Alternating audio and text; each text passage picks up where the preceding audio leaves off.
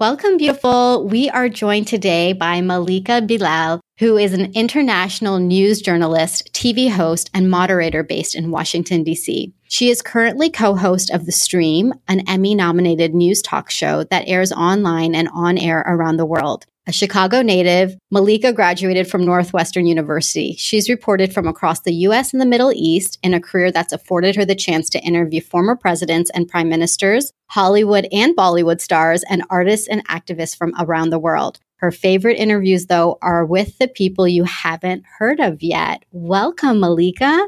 Thank you very much. It's so nice to be here. I'm so excited to be talking to you because just that last thing you said, your favorite interviews, though, are with the people you haven't heard of or that we haven't heard of yet. So that made mm-hmm. me really curious about mm-hmm. their stories. But the most important story I want to hear right now is your own. Ooh, I love this segue. You can a journalist talking to a journalist. I love it. Thank you. you can really you just appreciate the questions that much more, you know? So, my own story, where to even begin? I, like you said, born and raised in Chicago, and I went to a Muslim school for my entire life, which I tell people that because it's kind of a fun fact. Like, that doesn't happen very often. My parents really wanted us to get a good Islamic education, but also wanted us to get a good, you know, overall education. And so we went to a private school from first grade to 12th grade that was predominantly Muslim. And so you got an education, Islamic studies and Arabic, along with everything else. So that kind of shaped a lot of my worldview because I was fortunate to be surrounded by, on the one hand, people that shared a belief system like mine because we came from the same background religiously for the most part. But then on the other hand, I was surrounded by people that were also completely different from me. And so they're from all over the world, majority Palestinian, majority, you know, Arab background, but people from South Asian backgrounds as well, Bosnia, you know, just Caucasian kids, other African American kids. So just kind of, it gave me this window into a world that I may not have had if I hadn't gone to this school. And I think that kind of informed the rest of my life because since then it's been all about I want to know what, what the world thinks and I want to have a global international perspective. Wow, what the world thinks. Okay. so you probably have gotten a lot of insight into that. So, what took you into this world first of all and then can you give us insight into what does the world think? I'm super curious. That's funny. It's huge. We would be here for hours let's see insight into this i have the privilege to be one of the hosts of the show that allows us to have these daily conversations about topics that are newsy but also pitched to us by our own viewers. And so what that allows us to do is to kind of get a glimpse into news stories that may not make your average newscast and stories that people feel like they are not getting their fair share in the media or that they're not being covered in a way that they would like their communities to be covered. And so then that means that, you know, one day we might be talking about road safety and Bangladesh, you know, after kind of high profile case of someone being hit by a bus and then you know, apparently learning that that happens all the time, to talking about uh, tomorrow, we're looking into these re education camps, they're called, in China, in the majority Muslim area, the Uyghurs, where the Uyghurs live, and the struggles that they're having to go through and being checked up on, and really just this very big brother esque kind of situation going on. And that's just like, that's just two days. So the world thinks lots of different things. And, and I'm privy to be able to be part of those conversations that are happening all the time, but that Americans, for the most part, may not always be privy to. And how do you get exposure to these stories and able, you know, basically learning about them? Social media is a blessing and a curse and everyone knows this. Everyone who's on it or you know knows about it knows this. The blessing part is that this is the way that people are communicating. It's really the democratization of media. It's the way that a random person's viewpoint in, let's say, Pakistan can get just as much coverage as now the president of the United States because they're all using the same platform. So the way we see a lot of our stories are people pitch them to us on Twitter or we are scrolling through Facebook, we're scrolling through YouTube, just kind of looking for ideas, looking for, you know, news lines that you may not have known about or that we hadn't seen already being covered or stories that are covered and we ask our viewers who's a guest that you know you would like to see that you don't see on tv and so that's an entryway into these stories mm. and is there a particular story that still stands out to you Wow. So that's a difficult one only because our show is four days a week and it's a daily, it's only half hour, but that's a lot of shows. I've been on air for about six and a half years now. Wow. I can't even do the math, but th- that's about 200 shows a year. And so once the show is over, it's just kind of a, a, survival mechanism that it's already on to the next one. And my brain is already thinking about what I'm doing the next day versus what just happened. So that sometimes is, is kind of, I feel bad about that because there's such great stories that I can't totally retain in my memory bank always. But there have been a few that still stand out. I think one not too long ago, we interviewed the aunt of Alan Kurdi, and he's the little boy, the little Syrian boy who his body was washed ashore. Mm. You know, this is during the the height of the refugee crisis and that image kind of went around the world and it was, you know, it was striking and it made people so angry and upset. And they said, we have to do something about this. We can't let this, you know, this can't be the status quo. We have to help refugees who are fleeing the Syrian crisis. And now it's been three years and a lot has not changed. Mm-hmm. And so mm-hmm. his aunt wrote this book, this memoir, and it was just so touching and so haunting and so tragic to read what her family had to go through, but then also to see all the things that could have changed and yet haven't. Mm-hmm. So that one definitely stuck out. Do you remember the name of that memoir? I do. I think it's called The Boy on the Beach. Yes, definitely get it. And, and, her name was Tima Kurdi. She's the author. Definitely a must read. Okay, great. For everybody listening, we'll put that in our show notes at thelifeengineer.com mm-hmm. slash podcast slash Malika. You can find it there. I'm definitely going to pick that up. Thank you for sharing. Of course. So, you brought up an interesting point that I want to dive deeper into, and that is turning your brain off. So you're doing all these shows daily, mm-hmm. really powerful, poignant, hard hitting shows. How mm-hmm. do you turn your brain off? Oh, guilty. Okay, I'm, letting people, the viewers and the listeners, in on kind of a, a guilty pleasure. Um, I do not watch the news when I get home. So that's one way. I very much about a, a trashy TV watcher when I don't have to do work because, you know, when I'm at work, the TVs are all blaring the news. We've got CNN on, we've got Al Jazeera, English and Arabic on, we've got Euro News, we've got it all on. And so that's my daily feed. That's my diet for the workday. So afterwards, I come home and the way to shut my brain off is, is to watch reality TV shows, watch a lot of House Hunters. A shout out to all the House Hunter fans. I love HGTV. Home renovations. Yeah yes, anything that does not have to do with the news of the day, I'm all about it. So I think it's about striking a balance in between knowing what's going on in the world, but realizing when it's time to step away and just kind of find your happy place, even if that's a home show. Hey, that works. I personally love mm-hmm. flip or flop, any version of it. Yes, I agree. I totally agree. I'm with you. So it's great to turn off. And how about rejuvenation? I imagine that there must be some things that you do to feel rejuvenated and feel alive again and keep going. So travel is one of those. I love it. I got the travel bug very early. I didn't always have the means when I was younger, and we were mostly just traveling around the US with my family. But it was when I first I was in college and the opportunity to study abroad popped up, and I went to Egypt. I was so nervous about it because I had never been out of the country besides Canada. But I was studying Arabic and I had been for so long, and I really just wanted to go to a place where I could practice it. And that was the spark. I was like, I caught the bug after that because that was a gateway into just being able to travel to so many different places and kind of fall in love with the, that thrill that you get from realizing you're kind of a fish out of water, but you can learn how not to be. And so since then, I've gotten a chance to travel a lot more places because I've lived in a couple of other places around the world. And so it's a little bit easier than coming from the US. So travel is definitely one of those ways that I rejuvenate. And I'd say also just having, I found a pretty good support group among other female journalists. And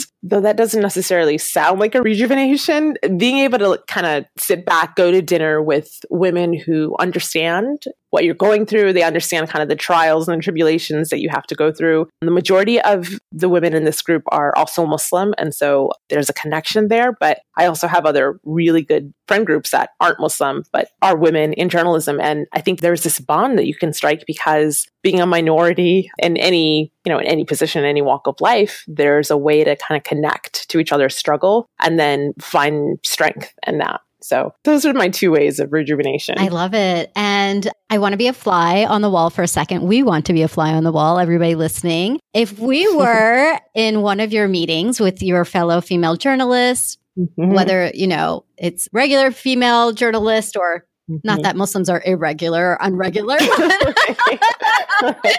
we can say that. So it's we cool. can say somebody else said that that would not be mm-hmm. okay. Yes. So if we were a fly on the wall in a conversation that you were having, what is something that you could make us privy to? Oh gosh. So it kind of runs, there's a thread, there's often a common thread. And whether it's because the person talking is Muslim or because they're a woman or because they're black or another kind of minority, another person of color, the thread is always the disrespect, mm. disrespect and disbelief that we get as journalists. And so sometimes that'll be, you know, one of us sharing a story of how someone didn't believe we were the person who would come to interview them. and, you know, kind of looking around for the real person who should be the journalist that's there to interview them.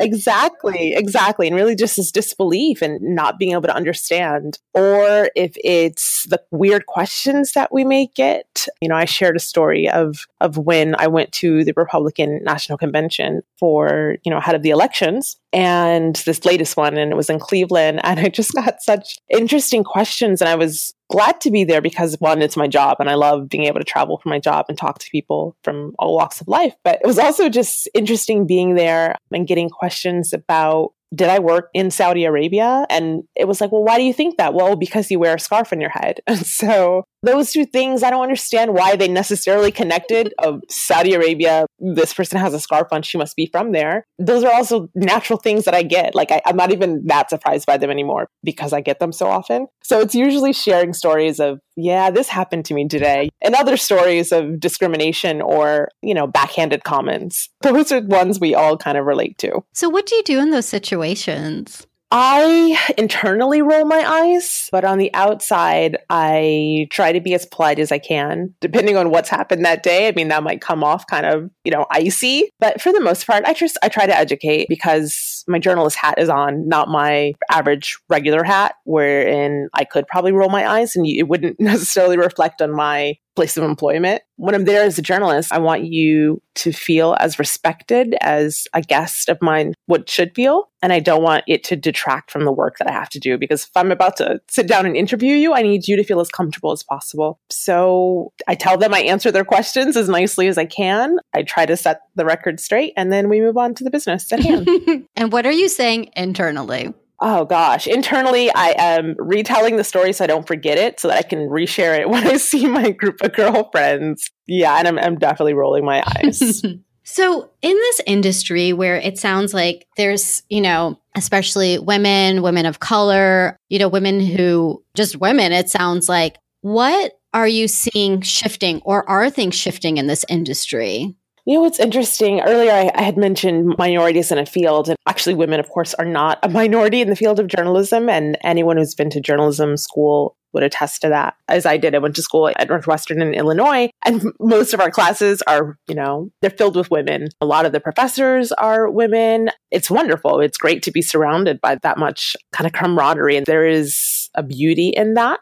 And in the field itself, there are also a lot of my newsrooms are, you know, majority women, but still at the top, it's not the same. So, and positions of power, people who are management roles, that's not always majority women. And oftentimes, you know, probably no surprise here, it's majority men and often wealthier white men. And so I don't know that that's necessarily changing, but I know that the modes of communication are changing. And so, whereas TV and TV networks, that's definitely true. A lot of people our age and younger are not going to TV anymore. You know, they're going to YouTube or they're going to online platforms where things are a lot more I don't know, democratic and they look a lot different. I, I, know people want to be able to see themselves reflected in the news that they consume. And so I think that, I think the market, I think people are, are making that change. Mm, definitely. And I know that you have some insight, particularly around being a quote unquote hijabi, one of the first hijabis to really be represented in this industry on mm-hmm. the screen. But I know you have insight as to why that's not necessarily always the goal that we should have.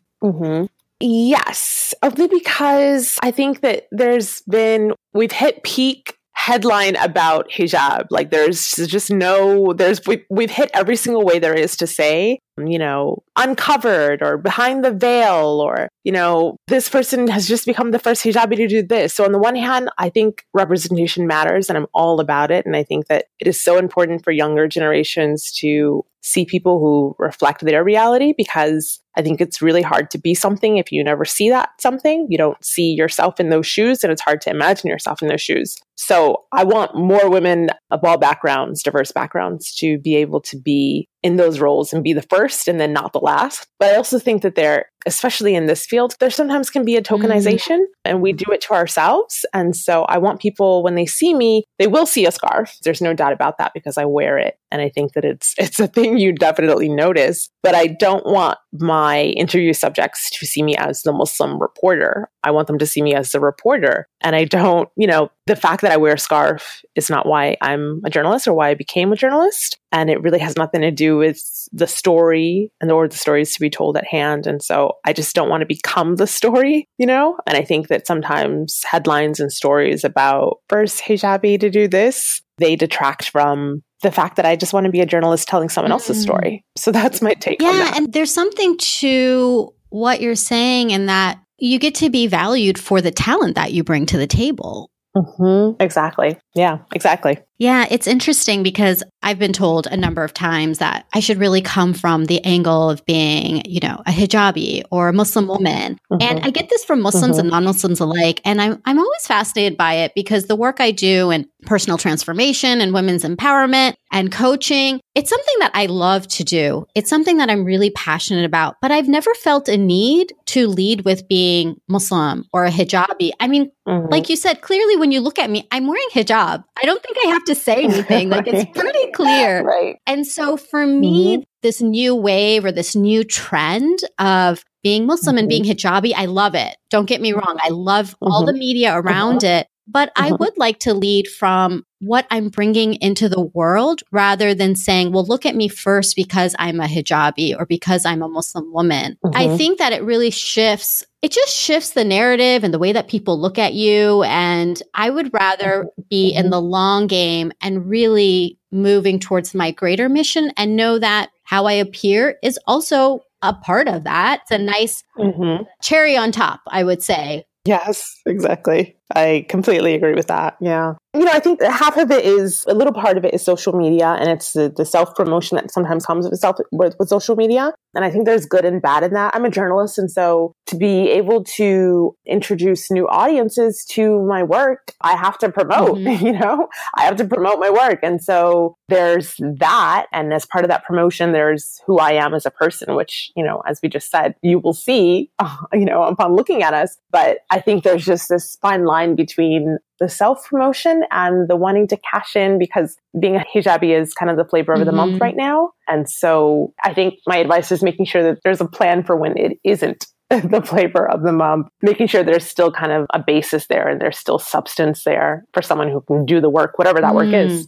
That's such good advice. And I would love to hear your advice on really staying on your path because it's not always easy. I imagine the work that you're doing, you've shared how it's not easy. Mm-hmm. There's ignorance, it's difficult. You're in a male dominated mm-hmm. industry.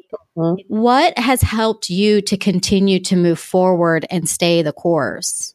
So I find meaning in my work. And I think that's what keeps me going. And that's what keeps me inspired. We had done a show not too long ago on suicide. And this is after the deaths of, of Anthony Bourdain and Kate Spade. And there's really, the CDC found there was a rise in suicide deaths in the US. And so we wanted to look into that because there was this conversation happening about, you know, how do you look out for signs and what do you do? And if you are feeling these kind of thoughts, where do you turn? And so we did the story because it's newsworthy and it's important, but we're not always sure that the audience is going to be there or this is going to resonate with them or they're going to have a lot of questions. You know, you're never really sure. And so after the show, we got a comment live on YouTube and someone said, you know, I never expected to see this on a television channel. But I'm so grateful that you all covered it. You know, I've been feeling suicidal and I've had thoughts, and we had put up the suicide hotline number. And so this person who was writing in said, Thank you for giving us resources and thank you for, you know, breaking past the stigma of not wanting to talk about it because hearing other people's experiences and hearing that they can come out of it and they can get better uh, so to speak, has helped me. And it, we just, my team read that and we just, it just, there was like a moment of silence because that was a reminder of why we do what we do. And that, as kind of as sad and bittersweet as that is, it also helps remind me, you know, this is important and these conversations are important and there is a reason to keep doing it. Mm, so important. These conversations, it's interesting you brought up the story on suicide because these conversations are incredibly important. And while the media might be covering a lot of things that are very sensational, suicide, mm-hmm. I mean, just in this last week within the Muslim community, there were those two women who committed suicide, which was mm-hmm. so heart wrenching, both mothers.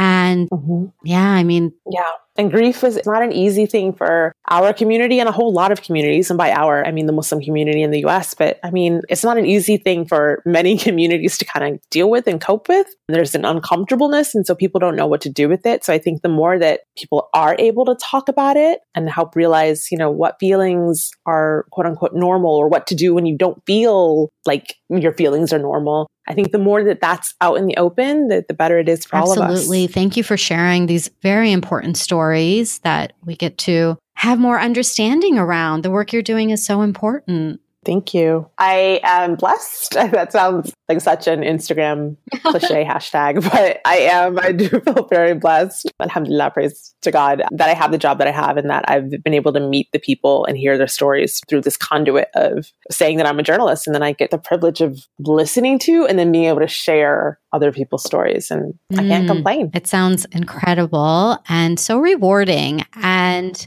I'm curious to know what's your big vision? Mm, you are curious and I am too. I don't I don't know. So I got my dream job earlier than expected. My dream job is the one that I'm currently in and it happened before I was ready and I look back now and I look at some of my early versions on air and I I kind of cringe cuz I was so nervous and so dorky and hunched over. Like I just postured. A lot of things have changed, luckily, but it was this incredible opportunity that I had to say yes to, even though I didn't feel ready. And now I look back and, like I said, it's been like six and a half years and I love what I do, but I haven't really taken a moment to think, okay, what, what's my next big dream? It's staying in media for sure but what that is yet to be determined. So we will see. Well, it's wonderful to hear somebody say that I have my dream job and that it's something that you're in mm-hmm. today. Mm-hmm. That is truly a blessing to be in that.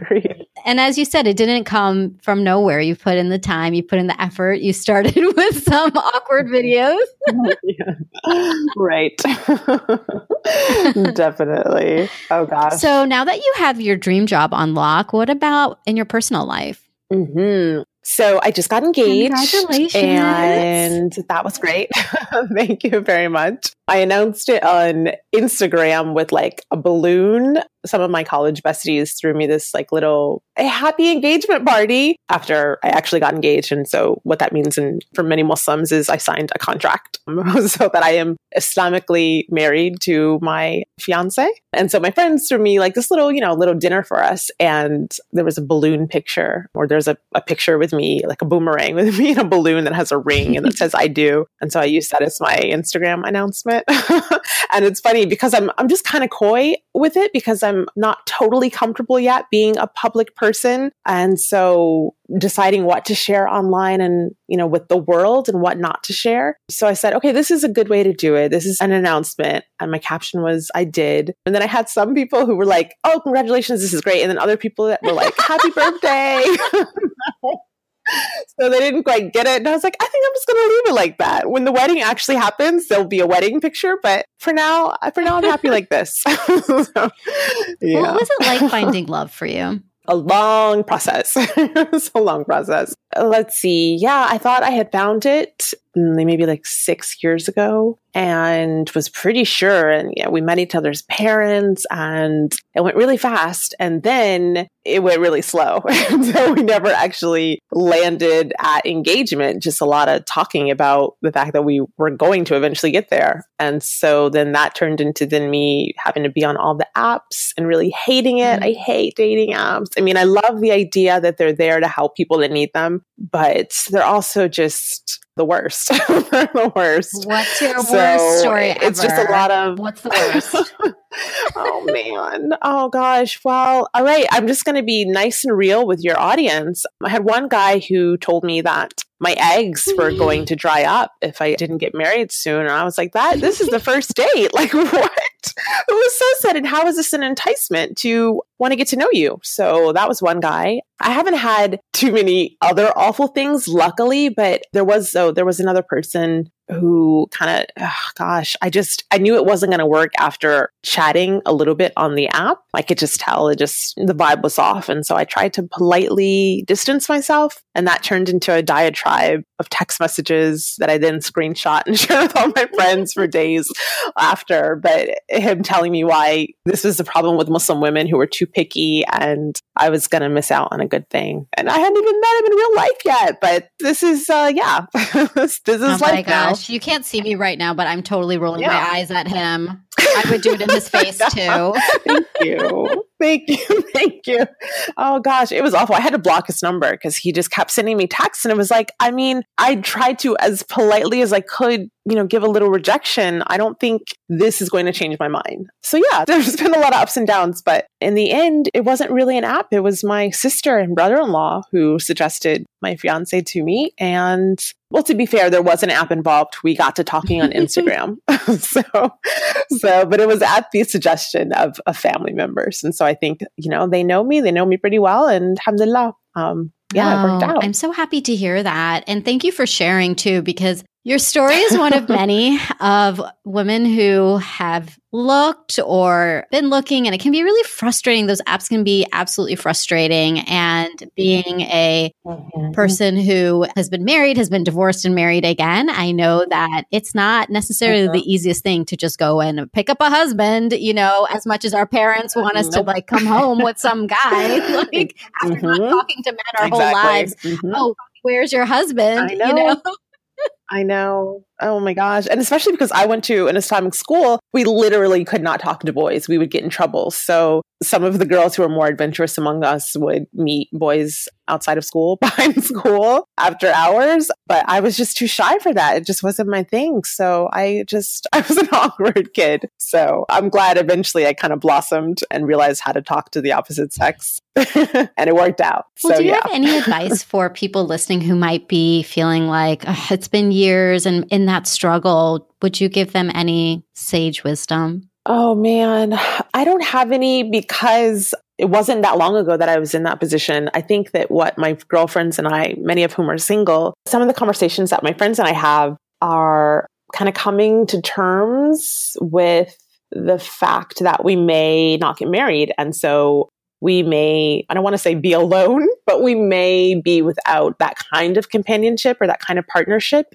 and having to be okay with that. And it was, I mean, I'll be very real here. It was one of the things that kind of scared me the most and just made me really sad. And there's the knowledge among me and my friends that, you know, we have full lives. We have great friends and we have volunteering and we have our careers and travel. Like, you know, not being married hasn't stopped us from living really happy, fulfilled lives. But there also is still that longing or that desire to want to be coupled up in that way. And so the idea that you might have to be okay with not is something that's hard to get used to, but I think it's pretty healthy because you never know. And so I've definitely lived my life like that. And I've had to have like talks with myself that, you know, this might be okay. And so I don't have advice for people because I know that's a hard thing to kind of wrap one's head around and everyone is different. But that's one of the things that's kind of helped me is realizing that I'll be okay no matter what. Inshallah, I'll be okay.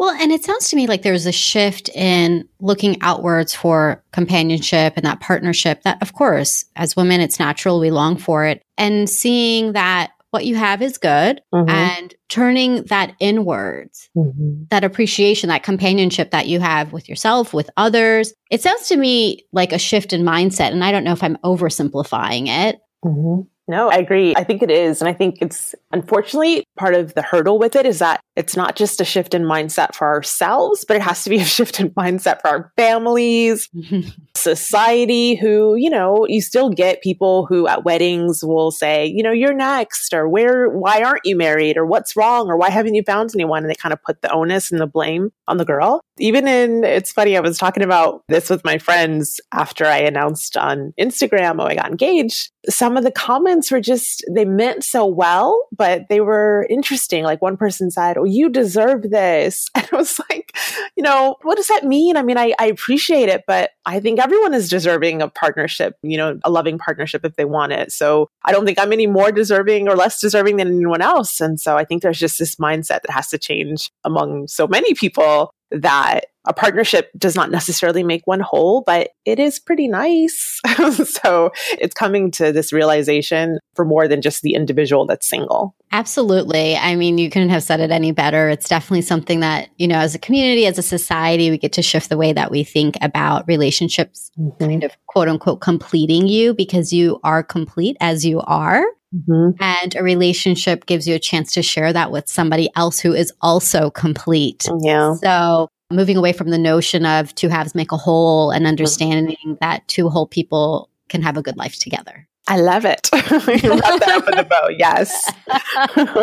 Absolutely. It's interesting we're talking about this because I did a whole episode. It's episode 28 on feminine and fulfilled. And I called it, it was part of my F word monologue that I do every other week. And my Mhm. F word was find. And it was about finding your man.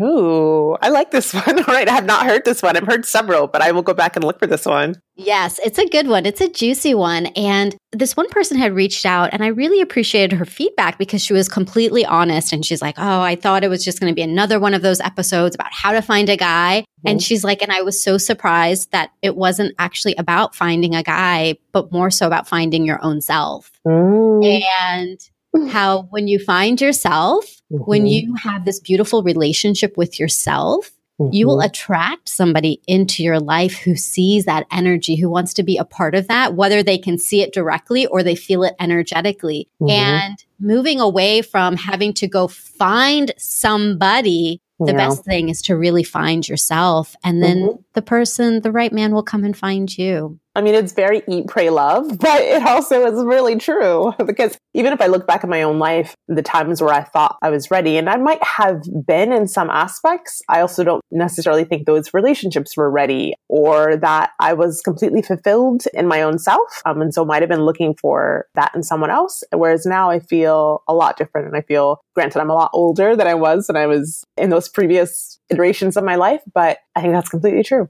Absolutely. And, you know, kudos to those of us who get married later on in life. That's a great thing because you have that maturity and that True. sense of self that is very different from when you're in your 20s. Yeah. There's a really big shift that happens. So, Mhm. thank you for sharing so honestly. I feel like we got to get a sneak peek of Oh who no. Malika is. That is a first. you definitely did.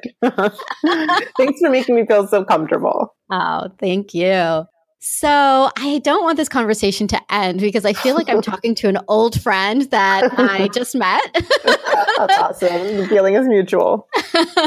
but we do get to close up the episode today. And I want to turn to you, Malika, to offer your advice or your words of wisdom to the women out there who are listening, who maybe need that encouragement, whether it's personally or professionally, to keep going because you have your dream job, you Mhm. have your marriage Mhm. or marriage to come, inshallah.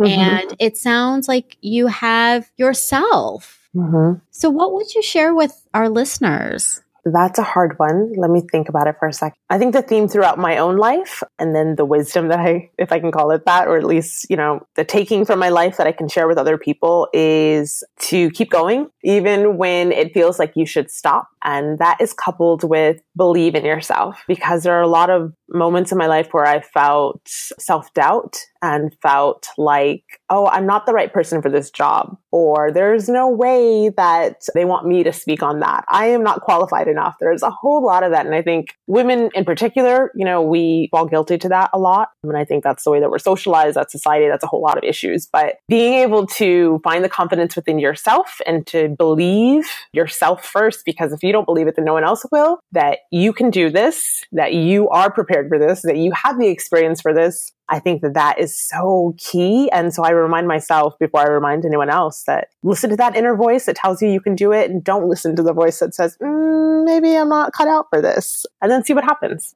Mm, I love that. Thank you so much. Thank you You're so welcome. much for sharing that. And I know that people are going to want to connect with you, Malika. And how can they find you across all the social media platforms yes. that you're on? All of them. So I'm very reachable on Twitter and Instagram. It's probably the easiest way. I am at MMBILAL. That's MM Bilal. And yeah, I'm, I'm really open because that's how I get story ideas. So if you guys have an idea, pitch me. Oh, awesome. I'll be sending you some ideas. That sounds good. and how about where they can stream your show, how can we go to mm-hmm. watch these wonderful shows you're creating? Yeah, so we stream every day live on YouTube, and the best way to get that link is at our website, stream.aljazeera.com, and that's stream.aljazeera.com. Great. So we will put the links to your social media handles as well as the direct link to your show on our show notes. And you can find that at thelifeengineer.com slash podcast slash Malika, M A L I K A. And thank you so much for joining us today and sharing all about yourself, everything that you probably did not expect. So thank you so know. much. well, thank you for having me. And this is total fangirl side note, but you have a great radio voice. So, so it's been a pleasure. Oh, thank you. That means so much coming from you. Thank you. Well, until next time, because I know we will connect again, thank you so much.